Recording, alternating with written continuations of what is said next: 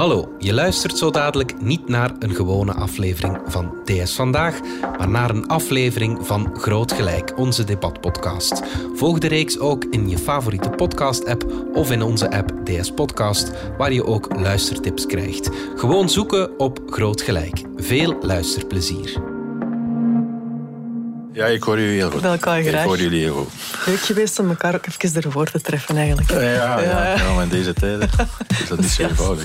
Dat helpt om, eh, om discussie eh, te voeren. Dit is Groot Gelijk, een podcast van De Standaard, waarin twee redacteurs debatteren over een hot topic. Ik ben Pascal Sartijn, economieredacteur bij De Standaard. En ik ben Lisa de Bode, politiek journalist, ook bij De Standaard. De vraag die vandaag op tafel ligt. Kunnen we zonder kernenergie? Kan, maar dan moet er wel dringend werk gemaakt worden van alternatieven. Ik denk dat de zaak inderdaad heel simplistisch wordt voorgesteld en ik denk dat we daar momenteel nog niet klaar voor zijn. Ik ben Marianne Justaert. Groot Gelijk dat je luistert. Mag ik beginnen? Dit is Groot Gelijk. Alright, Oké, Oké. let's go. Oké, succes. Vandaag ontvang ik collega's Pascal Sertijn en Lisa de Bode. En we gaan het hebben over de splijtswam van de Wetstraat en de Dorpstraat. Voor één keer mag dat zelfs letterlijk genomen worden, want het gaat over kernenergie. Moeten we radicaal af van kernenergie als we de groene omslag willen maken? Of vormt kernenergie net een deel van de oplossing in de strijd tegen klimaatverandering? hernieuwbare energie moet volop kansen We hebben geen tijd meer te verliezen om de omslag te maken naar een duurzame tegen energie. 2025 aanzienlijk. Wat moeten we doen als het licht Die uitgaat? kerncentrales, kerncentrales heel erg verouderd zijn van een levensduur komen. en heel vaak uit. Beter in een tijdelijke fuel, zoals gas, te investeren. Wij bevestigen als federale regering de kernuitstap en wij zullen Nee, wij willen echt wel doel 4 en trouwens 3 open houden. kerncentrales langer open houden, dat is toch een beetje contradictorisch. not afraid to energie stay here with radiation? Ons gemakkelijker tot die eh, doelstellingen kan leiden. Ja, het debat over kernenergie is natuurlijk veel breder dan dat over de kernuitstap. Maar daar moeten we toch mee beginnen. De kernuitstap, pro memorie, is een politieke beslissing die bepaalt dat in 2025 alle zeven kerncentrales van België gesloten moeten zijn. En nu de uitstap dichterbij komt, lijkt het verzet ertegen te groeien of klinkt het misschien luider? En wat blijkt nu als klap op de vuurpijl heeft Nederland ineens beslist om twee nieuwe kerncentrales te bouwen, helemaal de andere kant op. Het argument dat dan wordt aangehaald is vooral de bevoorrading. Gaat het licht wel blijven branden als we die kerncentrales allemaal sluiten? Pascal Sertijn, verlos ons uit ons lijden. Ja, ik weet niet of ik dat kan doen, maar het is wel de bedoeling natuurlijk dat dat licht blijft branden eh, na 2025. En er zijn ook heel wat studies al aan gewijd om te zien hoe dat, dat kan. En die studies komen allemaal tot hetzelfde besluit.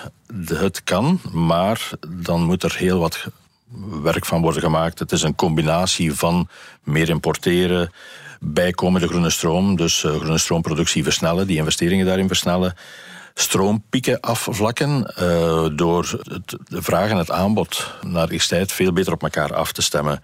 En natuurlijk ook, er is al heel veel sprake over geweest, gascentrales bouwen. Alle studies zijn eenduidig, of toch min of meer eenduidig over de conclusie, maar niet zo eenduidig over hoe dat, dat Ja, dan moet, moet gebeuren. opgevangen worden. Ja. Want die gascentrale, ik woon nu zelf in Vilvoorde, vlakbij de gascentrale. Maar eh, voor zover ik weet is die nog altijd niet vergund, hè, toch? Nee, nee, wel ja, Soehaldemir heeft een, eh, of een beslissing genomen dat, het, eh, ja, dat ze niet mag komen. Maar we kijken nu uit naar Electrabel of dat zij nu opnieuw een aanvraag gaan indienen. Ja. Ja. dat is, ja, dat is Maar- koffie te kijken op dit moment of dat er effectief in zal kunnen komen. Maar er is een plan om eh, de sluiting op te vangen. Ja, de federale regering heeft een eh, beslissing genomen om dat te, te faciliteren door eh, daar subsidies voor uit te trekken. Dus voilà, en energieleveranciers of producenten zoals Electrabel eh, hebben daarop ingespeeld door voorstellen te doen, onder meer de gascentrale van Vilvoorde. Lisa, ik zie jou kijken. Hè. De regering geeft dus subsidies aan gascentrales die meer CO2 uitstoten dan kerncentrales, omdat ze zich absoluut aan de datum eh, wil houden die ze naar voren heeft geschoven. Ja, inderdaad, er is een plan. Hè. Ehm, maar het plan steunt heel erg op eh, de menselijke capaciteit om die 6 gigawatt die we nu momenteel verkrijgen van de nucleaire centrales, om die te gaan opvullen met andere oplossingen. Waaronder hernieuwbare bronnen, maar ook die gascentrales. Die zijn vervuilender. En volgens één studie heeft becijferd, die zijn tot 40 keer zo vervuilend als een nucleaire centrale. Um, maar er is ook nog he, de hoop dat men dat gat verder opvult met andere bronnen. Men weet nog niet uh, waarmee dus we die, die, die bevoorrading gaan verzekeren. En als politiek journalist moet ik toch ook wel zeggen, dat getuigt van een soort hoop in de mensheid, waar ik toch niet altijd. Ja, ik denk toch niet dat we daar altijd op mogen rekenen. Ja. En ik denk dat we dat vandaag ook zien, die ontknoping. Ja, het heeft natuurlijk ook veel te maken met de voorgeschiedenis, eh, of de, de geschiedenis in 2003, toen men beslist heeft om die kernuitstap ja, als een brokkenparcours, hè? Ja, dat is een ja. uh, absoluut. Dat is geen brokkenparcours, dat is een uh, rampparcours geworden, uh, waarbij dat men eigenlijk er nooit echt in geslaagd is om naar alternatieven te gaan. En als er dan alternatieven waren, dan, uh, of die werden voorgesteld, ja, dan was er wel een of de andere die dat dan uh, probeerde te dwarsbomen. Waardoor dat we vandaag, drie jaar voor de kernuitstap, staan voor de vaststelling, ja, we zitten met een wettelijke beslissing van een kernuitstap. Ja. En hoe gaan we dat nu opvangen? Ja in drie jaar tijd. Mhm. Dat is bijzonder kort. En dus groeit nu het verzet ook binnen de regering, hè, met de MR van Georges-Louis Boucher, die, die samen met oppositiepartij N-VA eigenlijk nu ineens de forcing voert om dat toch allemaal te kunnen terugdraaien. Maar gaat dat nog gebeuren? Eh, gaat dat verzet effect hebben, denken jullie? Men zou dan iets moeten klaarspelen dat nog nooit is gebeurd. Men zou ook de wet moeten veranderen. Men zou ook technisch dingen moeten doen die nog niet echt zijn gebeurd. Dus in die zin weet ik niet of dat zo aangewezen is. Ja, de vorige pogingen om wetten te veranderen in verband met de kernuitstap, dat heeft allemaal heel veel uh, voeten in de aarde gehad. Heel veel mhm. discussie ook. De laatste aanpassing van die wet eh, om doel 1 en doel 2 te verlengen, dat is een absoluut fiasco geworden, omdat het Grondwettelijk Hof beslist heeft dat die wet eigenlijk mm, ja, niet wettelijk was en die heeft die vernietigd. Ja, dat is al geen goed voorbeeld van, uh, om, nee. om te zeggen van ja, we gaan er geraken. Ja. En dan uh, de discussie spitst zich toe op die twee jongste kerncentrales, uh, Doel 4 en Tihange 3. Mm. Um, nu, als ik jouw artikels goed gelezen heb, Pascal, dan heeft het ook allemaal niet zoveel zin. Want zelfs als we die kernuitstap nu zouden terugdraaien of we houden die dan langer open, dan nog kunnen die niet voor de eeuwigheid mee. Want ook, dat zijn eigenlijk twee best oude kerncentrales. Ja, er is heel veel discussie over. Uh, stel dat we de kerncentrales verlengen. Er zijn studies, onder meer van ERIA, die zeggen: ja, sorry, maar zelfs als we twee kerncentrales verlengen, hebben we toch nog extra ja. capaciteit nodig, ja. gascentrales. Ja. Er zijn andere studies die zeggen, ja, dat is eigenlijk niet nodig, we gaan er wel geraken. Ja, maar je voelt aan, dat is allemaal... Ja, er zijn zo tegenstrijdige meningen. Het is, het is heel moeilijk om daar dan... Wel ja, inderdaad, de hoop is een beetje nu door ze eigenlijk arbitrair, een beetje kunstmatig in 2025 te sluiten, mm. dat men dan een soort stok achter de deur houdt of een extra motivatie geeft aan onderzoekers om met die alternatieven sneller af te komen. Mm. En opnieuw, ik denk dat dat uh, problemen kan opleveren later. Is het een domme beslissing geweest, 2025? Of anders gesteld, hebben we die kernenergie misschien te vroeg afgeschreven? Ik denk dat in de tijd toen men die beslissing nam om eruit te stappen, dat dat een hele emotionele beslissing was. Men heeft dat ook zo toen toegegeven. Dat was mhm. geen technische beslissing.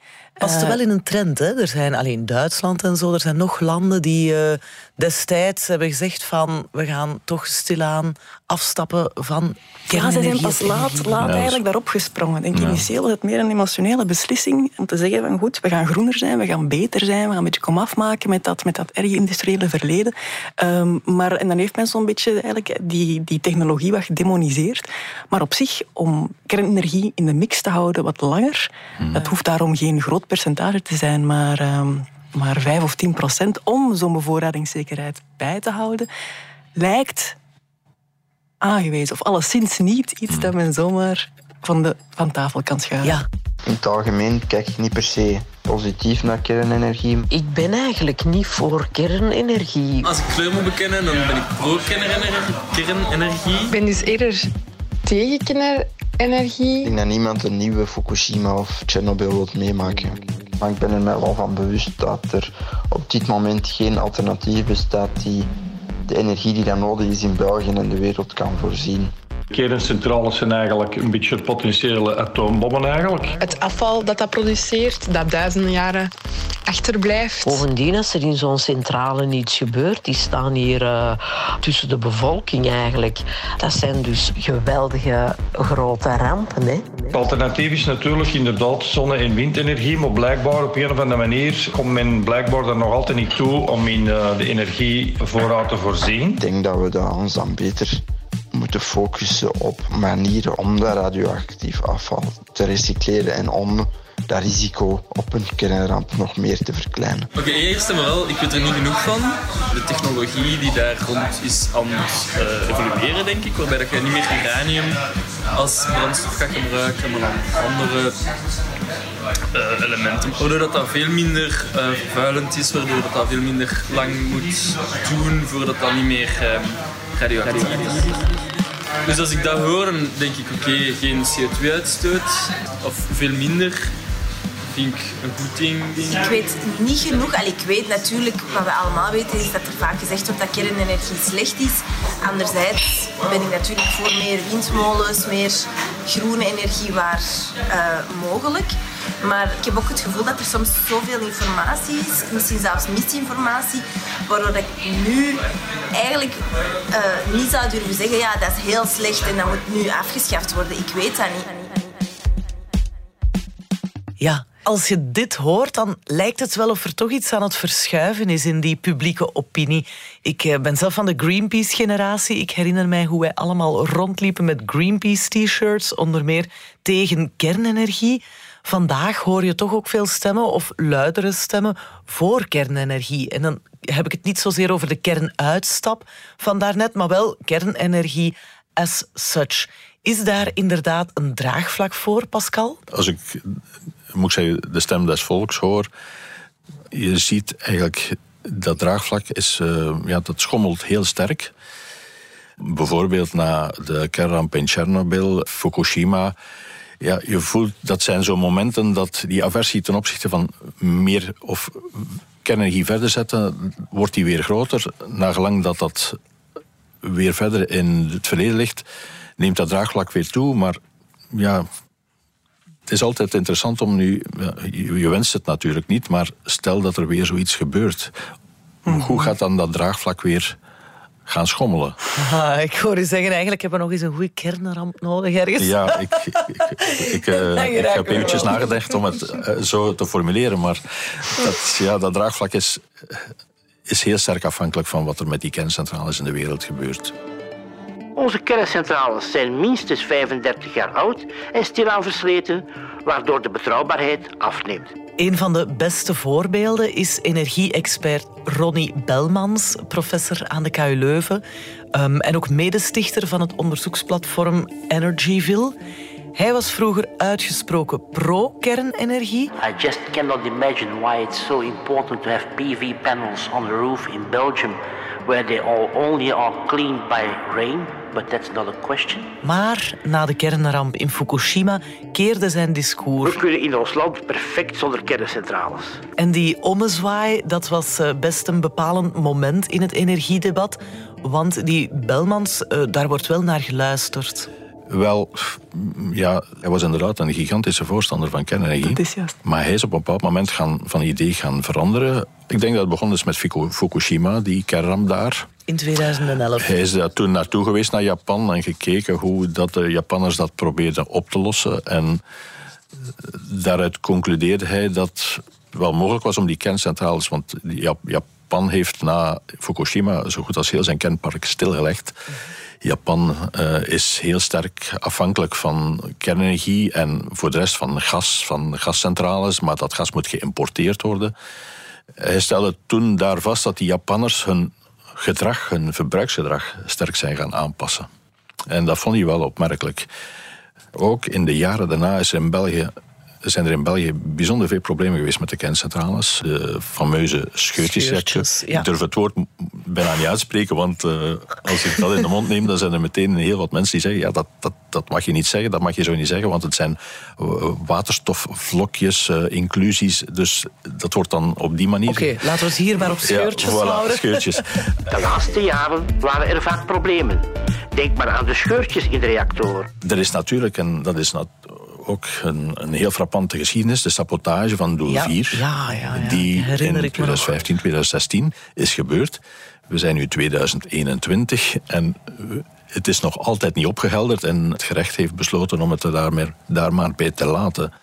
Ja, dat zijn natuurlijk van die gebeurtenissen die het vertrouwen eh, in kernenergie geen goed doen. En zo iemand zoals Ronnie Belmans is om een aantal van die redenen van mening veranderd. Ja. Van een eh, heel eh, groot voorstander van kernenergie naar iemand die nu de kerncentrales in België afdoet als oude knarren. Lisa zit op hete kolen. Ja.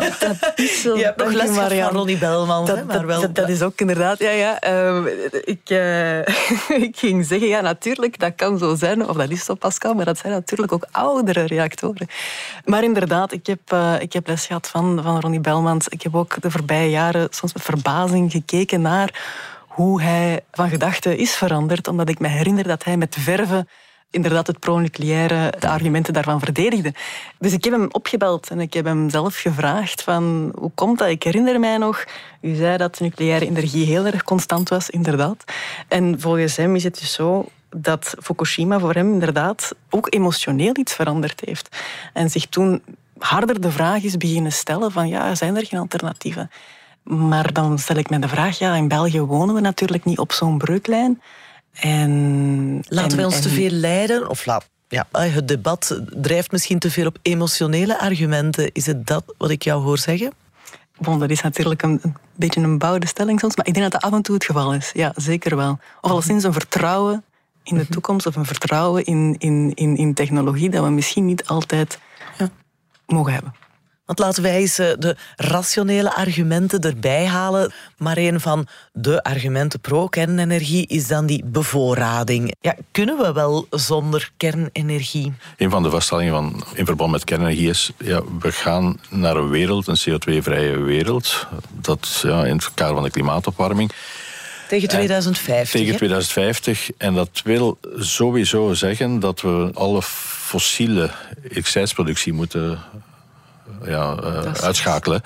En dat gaat automatisch betekenen dat er veel meer hernieuwbare energie moet komen. Hernieuwbare energie is, een, is fluctuerend. Eh, Als er veel, veel zon is, eh, veel wind, dan hebben we heel veel groene stroom.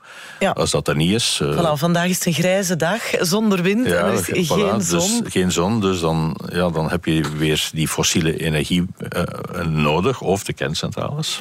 Maar men gaat ervan uit dat naar de toekomst toe ook het verbruik ja, in de gezinnen, eh, men gaat meer naar warmtepompen, die worden elektri- dat is elektrisch, dus die elektriciteit moet opgewekt worden, die moet CO2-vrij zijn. Daar is hernieuwbare energie voor nodig. Eh, En de verwachting is dat hoe meer elektriciteit dat we gaan verbruiken, ook elektrische wagens, hoe meer dat dat ook gaat schommelen, dat verbruik. Ja.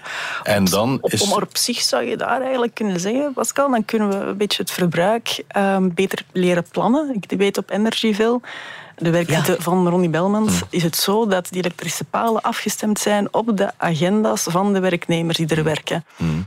Dus wanneer dat de auto geparkeerd staat, wordt die opgeladen en dat systeem weet wanneer zijn vergaderingen zijn, thuis zijn enzovoort. Dat heb ik begrepen. Dus in die zin kun je dan wel inderdaad verbruik plannen. Maar dan is de vraag, hoe ga je dat natuurlijk op een grotere schaal Ja. eh, inplannen. Want Ja. ik zie het al voor me, ik- de ochtendspits voor heel de Vlaamse bevolking, alle agenda's in dat computersysteem, privacywet, denk ik, gaat daar een stokje voor steken. Ja. Dus in welke mate is onze energieverbruik, is dat planbaar? En als dat allemaal kan gepland worden, dan kan kernenergie daar waarschijnlijk op inspelen, omdat je een heel stabiele productie hebt. Ja. Maar dat wil zeggen dat het, ja, ten eerste dat we die planning moeten hebben, dat het gedrag van de verbruikers ja. serieus moet veranderen. Als dat niet verandert, dan krijg je echt grote schommelingen in het verbruik. En dan zit kernenergie wel met een probleem, want kernenergie, kerncentrales kan je niet zomaar uh, de knop omdraaien, uh, ja. zoals een elektrisch fornuis en verdorie ja, gaan. Of en aanzetten hebben, om de ja, dalen voilà. op te vangen voilà. en uh, dus, in de pieken even stil te leggen. Nu, en dat kan bij gascentrales wel, hè? Dat kan bij gascentrales wel. En er is wel een... Men werkt eraan in kerncentrales ook om die, ja, om die knop mee te kunnen ja. draaien, zodat ze wat minder of wat meer excess produceren. Ja. En dan, want we zijn hier bezig over huishoudens, maar de grote slok op is natuurlijk de industrie. Hè? De industrie zal toch sowieso allee, ofwel kernenergie ofwel fossiele brandstoffen nodig hebben. Uh... Opnieuw dan, wat er opmerkelijk is, of, of wat er toch uitspringt over een kwaliteit van kernenergie, dat het zo constant is. Hè. Dus je zet het aan en op elk moment van de vraag zal er aanbod zijn. Is dat genoeg? Dat is de vraag. Daarom werken we met pieken en andere, andere groene bronnen dat daarop kunnen inspelen. Maar dus ja, voor, voor een sector als de industrie, zij, denk ik, zijn... Uh, vragende partij om, om er nog wel eentje langer open te houden. Of misschien is dat een idee om te werken met een mix. Ah, daar gaan we het zeker nog over hebben, over de mix en wat de mogelijkheden zijn voor de mix. Ja. Nu, wat die bedrijfswereld betreft, die is wel, ik heb de indruk, ook verdeeld omdat ja, we hebben onlangs die uh, petitie gehad van een, een, heel pak bedrijfsleiders die pleiten om die kerncentrales langer open te houden. Wat me dan opviel was dat daar bijzonder weinig grote industriële bedrijven bij zitten tweede vaststelling is dat... Die, die, doen het misschien achter de schermen. Wel, de tweede vaststelling is dat die grote industriële bedrijven... Eh, ik geef nu een paar voorbeelden. Eh, BSF Antwerpen, INEOS. Wat doen die? Die zijn momenteel heel grote contracten aan het afsluiten met hernieuwbare energieproducenten om bijvoorbeeld uh, volledige productie van windparken op zee af te nemen. Of zelfs gewoon mee te investeren in die windparken, windenergieparken, dus daar eigenaar van te worden, waardoor dat ze in feite rechtstreeks toegang hebben tot die energie. Ja, en wat die windparken op zee betreft, dan zitten we ook bij het argument ruimte. In ons land bestaat er zoiets als het NIMBY-syndroom, not in my backyard. Iedereen vindt zonne-energie en windenergie heel tof en sympathiek, tot wanneer er zo'n windturbine in zijn tuin wordt geplaatst of het zicht ontneemt hebben we eigenlijk wel genoeg potentiële ruimte om die kernuitstap op te vangen? Maar ik denk dat een van de, de grote dingen die veranderd zijn de afgelopen jaren is onze capaciteit om meer energie uit het buitenland te importeren. Dus zelfs als we het hier niet gebolwerkt krijgen, en dat gebeurt op bepaalde momenten van de dag of mhm. maand, ja, dan gaan we het halen in Frankrijk, in, in Duitsland. Er is een kabel ook gelegd naar het Verenigd Koninkrijk. Dus in, in die zin zijn we dan minder afhankelijk van wat we zelf doen. Maar het maakt ons ook veel afhankelijker van wat er natuurlijk in het buitenland mm. gebeurt.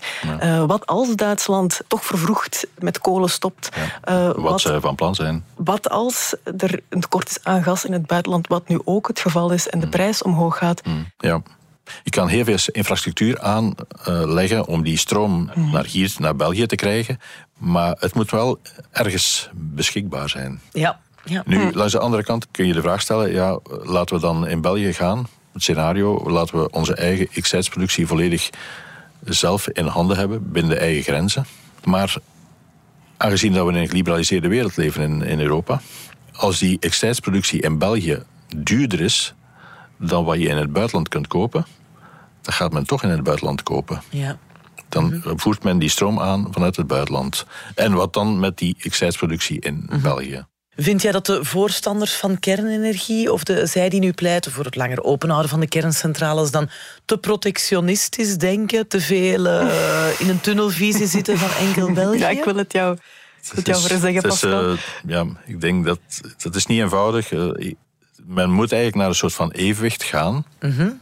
tussen eigen elektriciteitsproductie, waardoor dat men een soort van ja, dat men die binnen de eigen grenzen heeft. Dat men ja, brengt ook heel wat de werkstelling mee, heel wat investeringen. Economie eh, speelt daar ook in mee. En aan de andere kant, ja, je zit natuurlijk vast aan de vaststelling: neem nu hernieuwbare energie in België. Ja, België is maar een voorschot groot, zeggen ze soms. Ja, je kan niet onbeperkt windmolens uh, op land zetten, ook niet onbeperkt in de zee als je meer hernieuwbare energie wilt, moet je bijvoorbeeld al naar het buitenland ja, gaan. Dus we, hebben geen, we moeten het globaal bekijken. Maar het kan zonder kernenergie. Dat is de hoop. En dat, ja, dat is het, het streefdoel nu van de huidige regering. Maar je merkt dat het is niet voor de hand ligt als je ziet wat de spanningsvelden dat het oproept. Hm. Zelfs binnen die regering. Een van de meest controversiële argumenten in het hele kernenergiedebat is het klimaat. Feit is dat kerncentrales niet of nauwelijks CO2 uitstoten. En dat doet klimaatwetenschappers stilaan meer en meer zeggen... Dat we niet onder kernenergie onderuit kunnen. Dat kernenergie geen probleem, maar een oplossing is in de strijd tegen de opwarming van de aarde. Als we het doel willen bereiken dat we moeten bereiken binnen de tijd die we nog hebben... En een van de eerste die dat hier luidop begon te zeggen was uh, professor Valérie Trouet, een Vlaamse bio-ingenieur, dendrochronologe in de Verenigde Staten. Zij schreef een boek Wat bomen ons vertellen. En vanuit haar klimaatexpertise redeneert zij eigenlijk van we moeten toch kernenergie blijven inzetten. Oei, meneer Tommelijn. Toen zij dat drie jaar geleden in de afspraak in een debat met de toenmalig minister Bart Tommelijn verkondigde, stond het land op zijn kop. Kern, kern, kernafval, kernafval is dan maar een detail. Nee, dat is niet waar. Ja, ik, denk dat we, ik, denk dat we, ik denk dat we, ik moet daarbij zeggen dat kernenergie, je mocht daar volgens mij niet allemaal over dezelfde kam scheren. Je hebt nieuwe kerncentrales die veel geld kosten, maar die kunnen kernafval recycleren. Dus je kunt je kernafval recycleren en opnieuw gebruiken om energie te produceren. We zijn ondertussen zes jaar na het klimaatakkoord van Parijs. We hebben pas het akkoord van Glasgow achter de rug. Het is duidelijk dat we wereldwijd veel te weinig aan het doen zijn om onze broeikasgasuitstoot naar beneden te halen. Want daar gaat het uiteindelijk over. Hoe Elvis het zou zeggen, a little less conversation, a little more action, is, is echt nodig. En daardoor zijn we nu in het soort van conundrum, noemen ze dat uh, in het Engels in een mooi woord, terechtgekomen waar we nu staan. Op dit moment kunnen we het ons niet veroorloven. Moeten we ten alle kosten onze broeikasgas uh, uitstoot naar beneden halen. En een van die kosten is, naar mijn uh, inziens, uh, kernenergie. Het verbaast mij een beetje dat ik destijds in 2018 in België daar zo'n opstootje teweeg heb gebracht. Want hier in de Verenigde Staten bijvoorbeeld is dat eigenlijk geen discussiepunt. iedereen is het erover eens dat kernenergie een van de oplossingen is om ja, tenminste CO2-schone energie te leveren. Natuurlijk, ja, in de VS, hè, we hebben hier veel land. Mensen wonen ver uit elkaar. Kernenergie is niet zonder uh, risico's, dat is zeker zo. Maar hoe ik het zie is dat klimaatopwarming, de klimaatcrisis is een zekerheid, dat is geen risico. Als we CO2 blijven uitstoten, de manier waarop we het aan het uitstoten zijn, is het zeker dat het echt serieus verkeerd gaat. Kernenergie is een risico. Uh, het kan heel verkeerd gaan en dan zijn de, de gevolgen dramatisch, zoals we gezien hebben in Chernobyl en Fukushima. Het is een risico. De kans dat dat gebeurt is veel kleiner dan als we CO2 blijven uitstoten. Dat is geen risico, dat is een zekerheid. Dat het dan enorm, enorm verkeerd gaat ook. Ja, we hebben in België ook zo'n een, een gereputeerde klimaatwetenschapper, meneer Van Lieperzelen, die zegt eigenlijk hetzelfde, maar die heeft altijd twee boodschappen. Die zegt ja, mevrouw Trouet heeft gelijk. Uh, maar tegelijkertijd zegt hij, als we echt naar een CO2-vrije wereld willen, dan gaan we er zeker niet geraken met kernenergie. Er is daarnaast nog heel veel, uh, nog veel grotere inspanningen nodig om uh, bijvoorbeeld het transport. Mm -hmm. CO2-neutraal te krijgen. Mm -hmm. En om uh, alles wat gebouwen en verwarming, om dat CO2-neutraal te brengen. Dus ja, klimaatwetenschappers zoals mevrouw Trouet en ook zoals uh, meneer Van Ieperselen ja, brengen de boodschap over kernenergie, maar zeggen tegelijkertijd ook, ja, let op jongens, daarmee redden we het niet alleen. Hè? Ja, absoluut. Zegt trouwens Valerie Trouet ook, meer nog, zij noemt dan dat hele debat over kernenergie bijna een bliksemafleider mm. uh, in de strijd uh, mm. voor het klimaat. De ganse energievraagstuk, wat doen we met die kernenergie, dat is dat momenteel de Belgische politiek zo beheerst onze energie, uh, huishoudelijke energie plus industriële energie samen, is ongeveer een derde van onze CO2-uitstoot.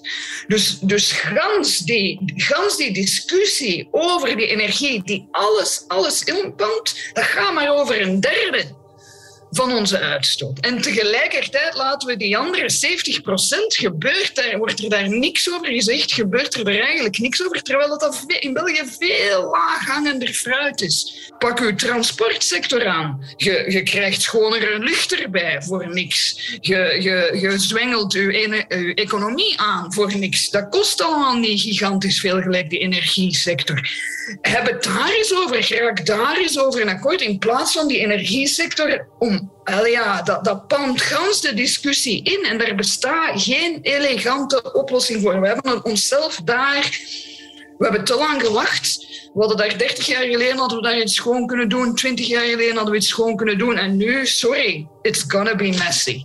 Either way. En ja, bliksemafleider wil ook zeggen dat men aan de rest niet meer moet denken, maar dat is het juist om in de rest van de maatschappij uh, het fossiele energieverbruik terug te dringen. Ja, dat zijn gigantische inspanningen die er nodig zijn. En niet alleen financieel, maar ook weer het gedrag, gedragswijzigingen. Uh, hoe verbruik je energie?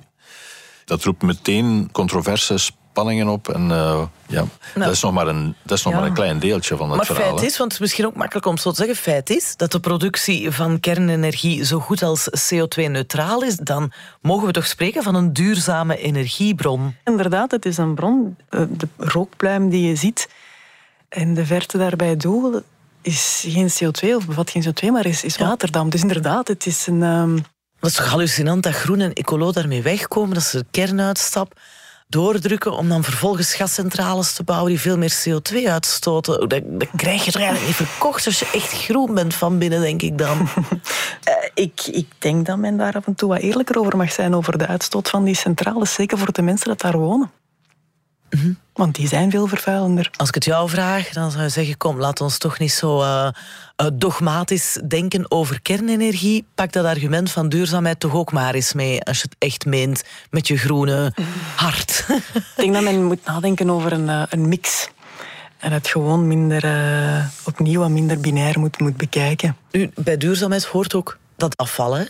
En daar kunnen we dan ook wel weer niet buiten dat die kerncentrales zorgen, en nu citeer ik Tine van der Straten, voor uh, zeven Olympische zwembaden vol nucleair afval.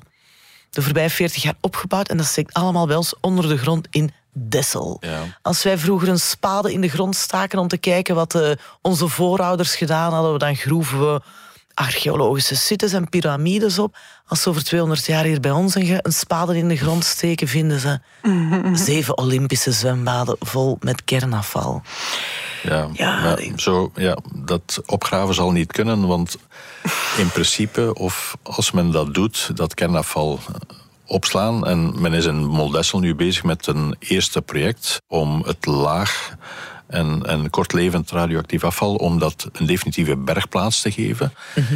Het is zo dat naar de toekomst toe, ja, dat, dat worden eigenlijk sites die constant moeten beveiligd en bewaakt worden. Mhm. En dat is nog maar het laag radioactief afval en het, het kortlevend radioactief afval. wat is kortlevend, Pascal? Wel, kortlevend is dat eh, de radioactiviteit heel snel gaat afnemen in de tijd. Ja. Uh, of maar goed, we hebben het dan nog over honderden jaren, hè? Eh, wel ja, het is, die honderden jaren geldt vooral voor het hoog radioactief afval. Dus uh, de kernbrandstof die zich nu in de, in de kerncentrales bevindt, die uitgewerkt is, die trouwens nu al opgeslagen wordt in Doel en Tihange. Mm Maar dat is allemaal tijdelijk. Uiteindelijk moet daar wel een definitieve oplossing voor komen. En dan is de vraag, wat gaat men daarmee doen? Wat gaat men ermee doen? Waar gaat men dat opslaan? Ja. En ook daar is, ja, heeft het verleden getoond dat België of de Belgische overheid daar bijzonder veel moeite mee heeft om daar mhm. vooruitgang in te boeken. Omdat op een bepaald moment is een, een, een episode geweest bij, bij dat NIRAS. Dat is de instelling die moet toezien op de opslag eh, en bewaren van dat radioactief afval. Hij had een studie gemaakt waarin dat ze voorstelde kijk, wij zijn voorstander, de beste oplossing is dat op te slaan in kleilagen. Het feit dat men kleilagen naar voren schoof als de meest interessante opslagpiste, ja, dat was al voldoende om heel dat project te kelderen. Maar ja. misschien daarover nog eventjes, nog over het, over het, uh, nog over het afval. Het beeld in de jaren tachtig en daarna ook uh, maakte Greenpeace campagne met de vaten, kernafval, die men dan in de zee gooide. En dan uh, ging men daar met een bootje langs varen om aan te tonen. Ik denk dat er sindsdien ook wel veel veranderd is. Een andere of, of betere opslagmanieren zijn gevonden om, om met dat afval om te gaan. Mm. Containers, die al dan niet lekken, mm-hmm. dat is zo. Maar blijft nog de vraag van in welke mate weegt het probleem van het afval op tegen het hele grote voordeel dat die reactoren geen CO2 uitstoten? Ja, er zijn twee argumenten die je daar kan tegen inbrengen. Ten eerste, dat kernafval moet ooit opgeborgen worden. Als je vaststelt welke moeite dat er gekost heeft om een plaats te vinden voor dat laag radioactief en kortlevend radioactief afval, dat heeft jaren gekost, want je zit daar ook met het zoals met alles, met het not in my backyard syndroom. Dus, uh, ja, dat kan ik wel geloven. Maar dan kun je het exporteren. Hè? ja, dus, dan kun je het exporteren naar het buitenland. En, Kijk. Ja, voor zover dat ik lees, uh, is er niet veel uitzicht op grensoverschrijdende projecten om kernafval op te bergen. Kortom, er is vandaag geen, of nog geen, oplossing voor al dat kernafval. Dat is zo, er is denk ik geen permanente oplossing. Ja, daar wordt het veel over gestudeerd en veel rapporten gemaakt, dikke rapporten. En, en er is veel discussie over. Als er dan eens een advies komt, bijvoorbeeld van IRAS, maar ja, voor de rest. Het enige wat er is in België is dat men een definitieve oplossing heeft voor dat laag radioactief afval mhm. in Moldessel. Dat zal boven ons, maar boven ons, het is eigenlijk half onder de grond, maar het zal wel een soort van mm tumulusachtige structuur worden. Mhm. Maar die werken moeten ook nog beginnen. Hè? Ah, ja, ja. misschien eventjes belangrijk om toch even aan te stippen kort dat men in Mol ook niet stil zit die nieuwere reactoren zouden minder afval opleveren. Mm. Toch ook niet onbelangrijk in dit debat. Ja. Nu, wat dat kernafval betreft, want het blijft altijd kernafval. De vaststelling is ook, ja, iemand moet die kerncentrales gaan bouwen. Ja, wat stel je vast? De elektriciteitsproducenten, elektriciteitsbedrijven, ze vragen heel wat garanties, vooral dat ze het licht op groen willen zetten voor die kerncentrales. Maar een van die garanties is dat er een keiharde uh, engagement ligt dat dat kernafval en de financiële impact van dat kernafval, dat dat geregeld is. Want ja, je ziet nu ook in België wat een discussie dat dat ook weer geeft over uh, ja, die financiering van de opslag en de berging van het kernafval. Langs de andere kant zou je kunnen zeggen, door een keuze te maken voor de bouw van zo'n nieuwe centrale, hmm kan het ook zijn, en dat heeft het Verenigd Koninkrijk gedaan of gaat men doen, dat je de prijs vastlegt. Dat je een zekere voilà. bevoorradingszekerheid vastlegt. Voilà. Maar weet je wat de prijs is? En dat, is een politieke keuze. Dat is een politieke keuze, maar ik dacht de prijs, de gegarandeerde prijs is meer dan 100 euro per megawattuur. Ja, dat is juist. Maar die van gas ligt vandaag op 118? Ja, hm. maar die van hernieuwbare energie ligt veel lager. Dus, en dat is ja, je voelt aan. Dat maar is de wind een, waait niet altijd. De wind waait niet altijd. De zon uh, schijnt niet altijd. Voilà. Dus... Um, ja, um, maar het is... En er zijn ja. donkere maanden ja, ja. die we tegemoet gaan. Ja. toch nog even rond veiligheid ook nadenken. Want sommigen zeggen, en de Nederlandse presentator Arjen Lubach heeft zich bij die klik aangesloten. En we kennen hem van in de slimste mens ter wereld. Kernenergie. Maar hij is nu ook een van de grote lobbyisten pro-kernenergie. Kernenergie? Nee, straling, Arjen. Chernobyl. Maar ik laat mij niet door jullie in de taboesfeer trekken. En zegt dan eigenlijk mogen die uitzonderlijke kernrampen à la Chernobyl en Fukushima niet in de strijd geworpen worden als argument. Want weet je wat? De, de Sendai-beving voor de kust van Japan in 2011 veroorzaakte een tsunami van 14 meter hoog en kostte het leven aan 19.000 mensen. Maar wat hebben wij ervan onthouden? Daar zijn nauwelijks dodelijke slachtoffers. Eén. Eén. Een man die de straling moest meten na de ramp bij Fukushima heeft longkanker gekregen. Er is kans dat dat door die straling kwam. Ja, wat vinden jullie van, uh, van zijn stelling?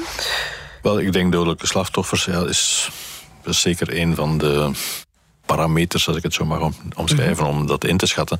Maar natuurlijk, kijk naar die, die kernramp van Tsjernobyl, kijk naar, die, uh, naar wat er in Fukushima gebeurd is.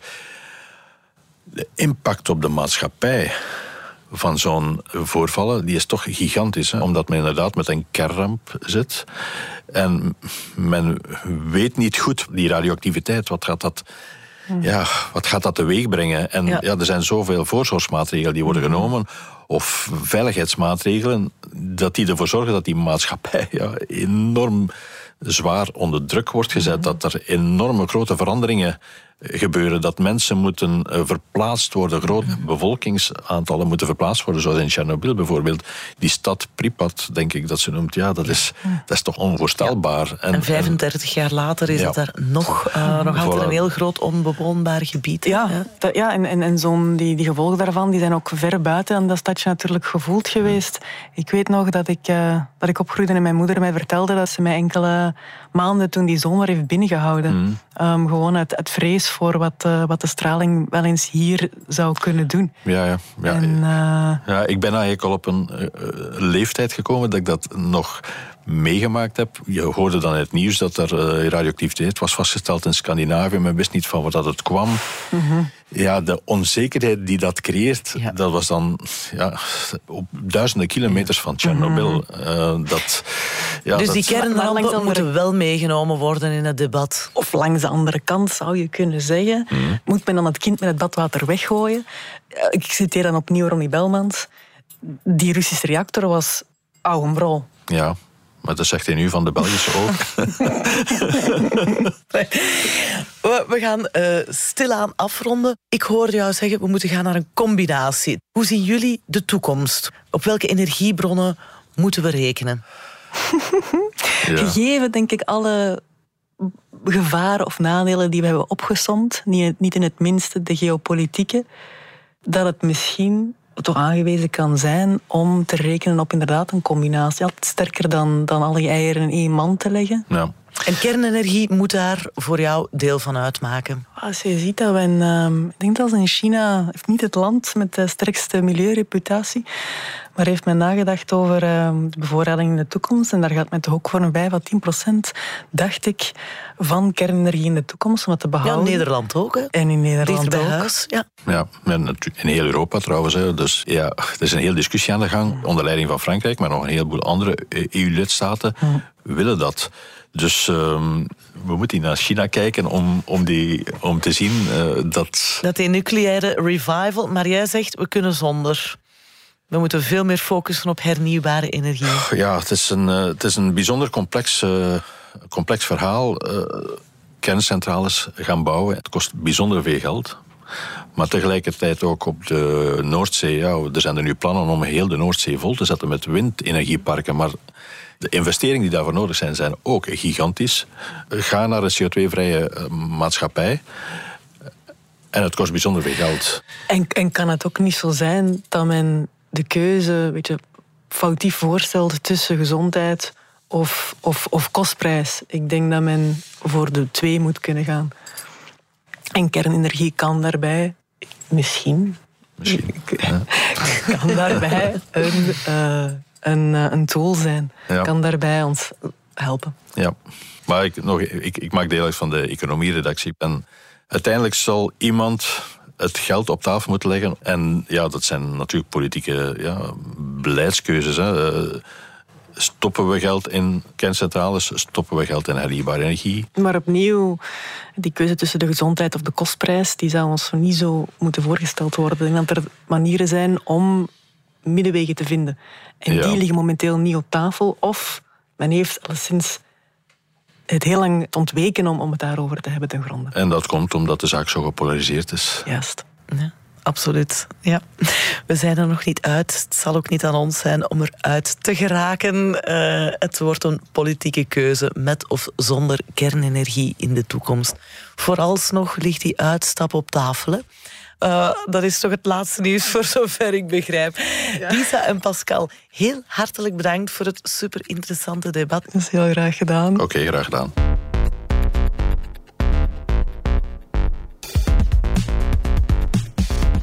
Dit was Groot Gelijk, de tweewekelijkse debatpodcast van De Standaard.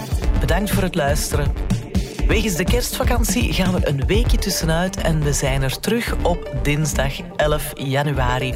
Hopelijk luistert u ook. Reageren kan altijd heel graag zelfs ook met ideeën op podcast.standaard.be.